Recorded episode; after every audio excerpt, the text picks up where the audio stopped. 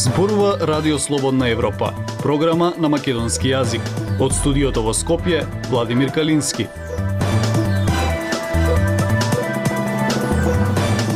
Почитувани го следите неделното интервју на Радио Слободна Европа, гостува председателот на Демократскиот сојуз и пратеник во собранието Павле Трајанов.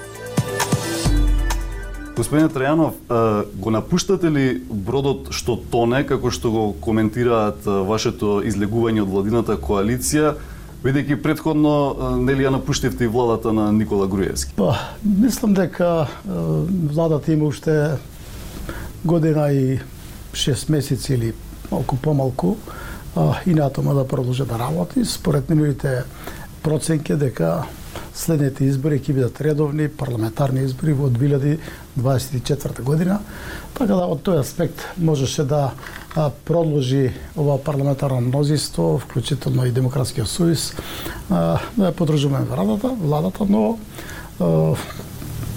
проценивме дека Македонија во целина или владата во целина државата движи во погрешен правец.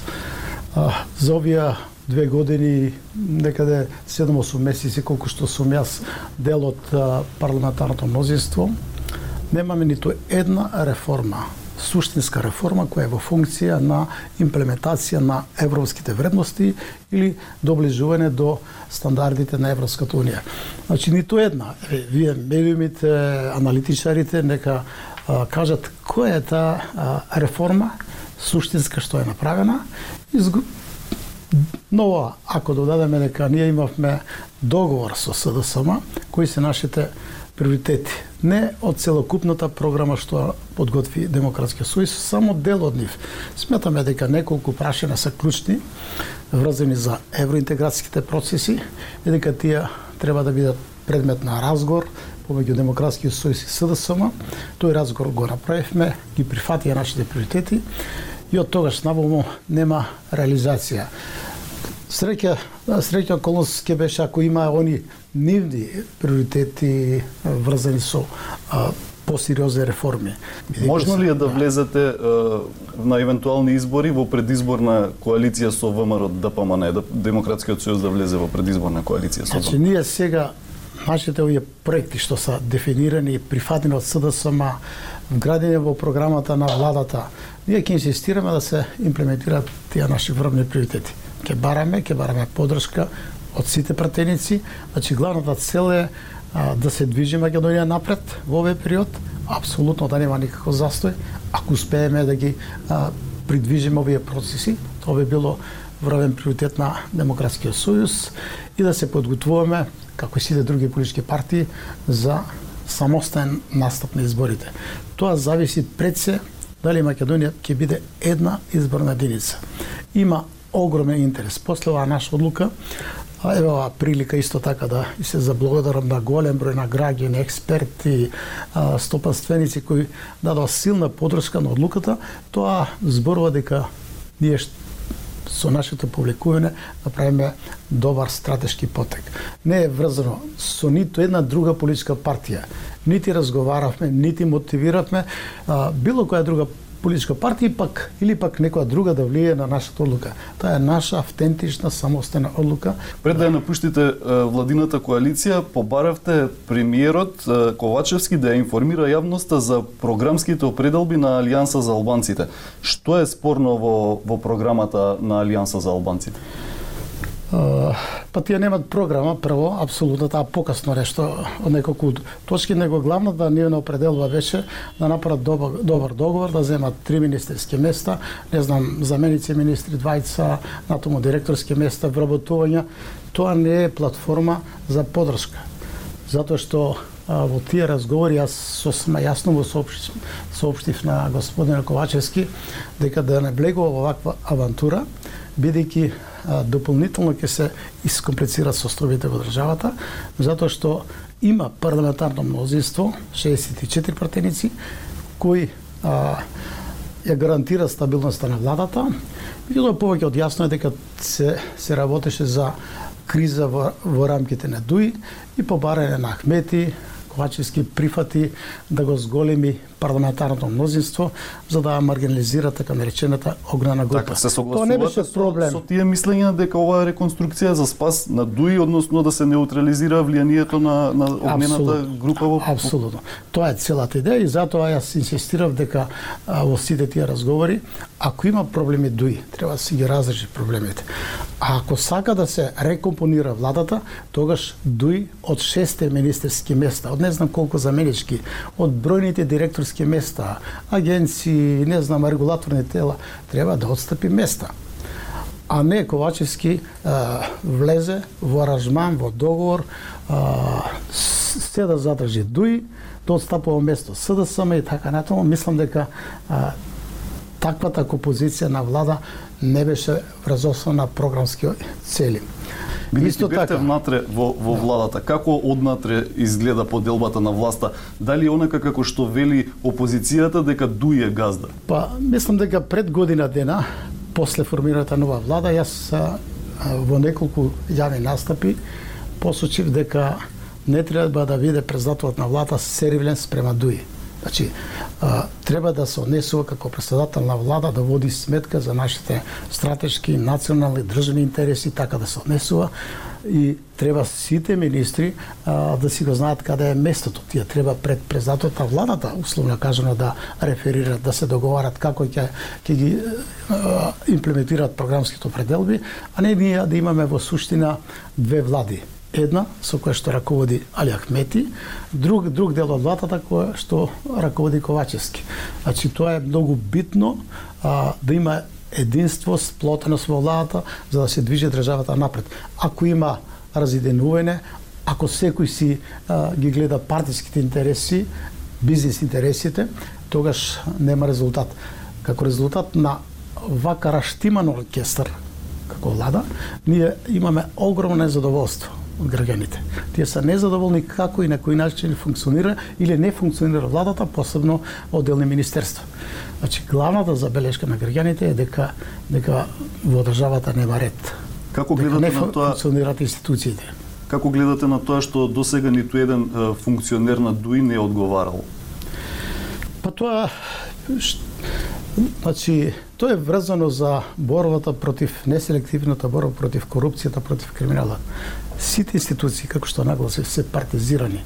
Таму, во тие седом институции, одговори за борба против корупцијата, против тешките облици на криминал, раководат партиски луѓе. Тие не можат да започнат оперативна истрага против носител на јавна функција, ако се работи за кадар на ДУИ, бидејќи таа има силен механизам а, да влие на тоа дали владата ќе обстои понатом или не. И тука е целата работа, тука е браната, а, тука е влијанието на на министрите, на председател на владата врз овие институции да не отварат случаи а, и таму каде што е очигледно дека има криминал, да не отварат, да не го проверат, да не го документират и се разбира да не се поднесе а, пријава, кривична пријава против некој од носителите на високи позиции, ако е кадар на ДУИ тука е а, затоа ние зборуваме ни треба борба против корупцијата неселективна и ни треба систем, заокружен систем кој што а, ќе гарантира ефикасна борба против корупцијата и затоа проект Декри а, го имплементираме, дел од него подготвивме закон во кој со кој што бараме се формира независна агенција за борба против корупцијата и после реконструкцијата на владата ќе го доставиме тој законски проект а, за него да распа парламентот, наместо владата тоа да го направи, Министерството за правда, тоа ние мораме тоа ние мораме да го правиме како политичка партија да почне имплементација на тој проект Декри или војна против корупцијата. Независни вести и анализи за иднината на Македонија. На Радио Слободна Европа и слободнаевропа.мк.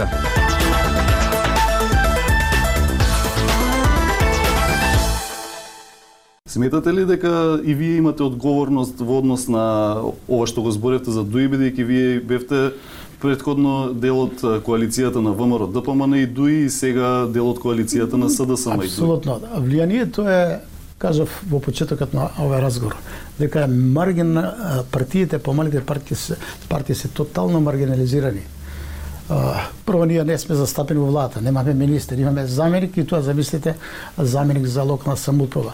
Кажете го механизмот како може да влие Да, да влијаме во владата за да се отвори сериозна борба против корупцијата, освен да подготвиме проекти, да ги понудиме и да ги прифати парламентот, односно владата. Тоа до сега не се случило. И како можеме да зборуваме за, а, да речеме, да зборуваме со исти аршин за одговорност на некоја помала политичка партија, а, Клучно е тоа што ние сме самостана автентична политичка партија. Нашите ставови секојдневно ги презентираме.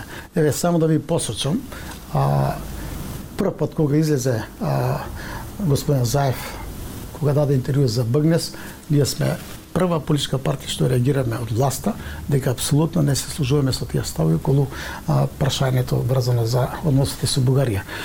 Значи, имаме проект за борба против корупцијата, не го имплементират и како можеме да зборуваме за одговорност на а, Демократски сојуз. Тоа е проблем. Проблемот е што изборниот систем создава а, еднопартиско или заедно со ДУИ двопартиски систем на владење. Другите партии апсолутно немаат никакво влијание во сите процеси, вклучително немаат влијание во носенето на било која а, круцијална одлука битна за државата. Велите Тоа дека владата на СДСМ не ги реализира тие ветувања во борба против криминал, за борбата против криминалот и корупцијата, за реформите во судството, за изборниот законник. Меѓутоа, зошто токму сега реагирате на, на ова? Па не е точно.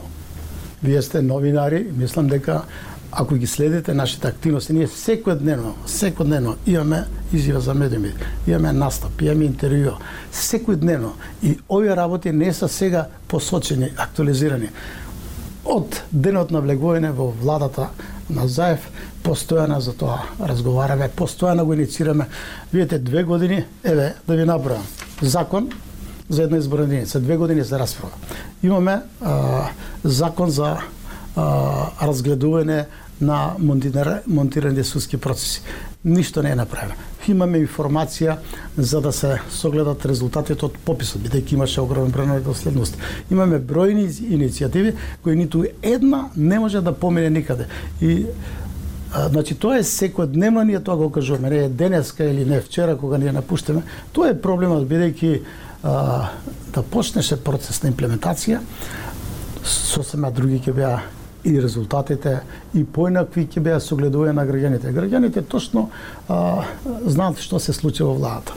Парализија на целиот систем, а, со измислени топ теми во јавноста преку а, владата тоа што го прави или насочување на одговорност за било што во парламентот, дека тоа е одговорен за се, во суштина процесите во државата треба да ги движи владата и таа треба да носи одговорност за а, вкупните состојби. Дали државата се движи напред или пак е блокирана по сите по сите параметри. На скала од 1 до 10 колку е корумпирана Македонија? 10. Вас? Значи 10, чиста 10 ка има. Значи имаме силен процес кој продолжува на криминализација. Криминалот стана во оваа држава вредностна категорија а не зло со кое што треба да се справиме. Тука е а, државата полека криминалот ја гризи, ја јаде криминалот. Затоа не функционира. Сега зборуваат, не знам, немало средства за тоа, а, во фондовите били испразнети, тешко се а, да затварат а, потребните, да речеме, а, буџетски ставки. Не треба ништо друго. Да имаме систем да престане да се краде од оваа држава, тогаш ќе има пари за се. Овој народ не може да создаде толку колку што власта може да растури, да распе или па да украде. Тоа е суштински проблем околу корупцијата, околу криминалот. Господине Трајанов, ви благодарам. Благодарам вас. Почитувани слушатели, тоа е се што ви подготвивме во оваа емисија. Од студиото во Скопје ве поздравуваат Владимир Калински и Дејан Балаловски.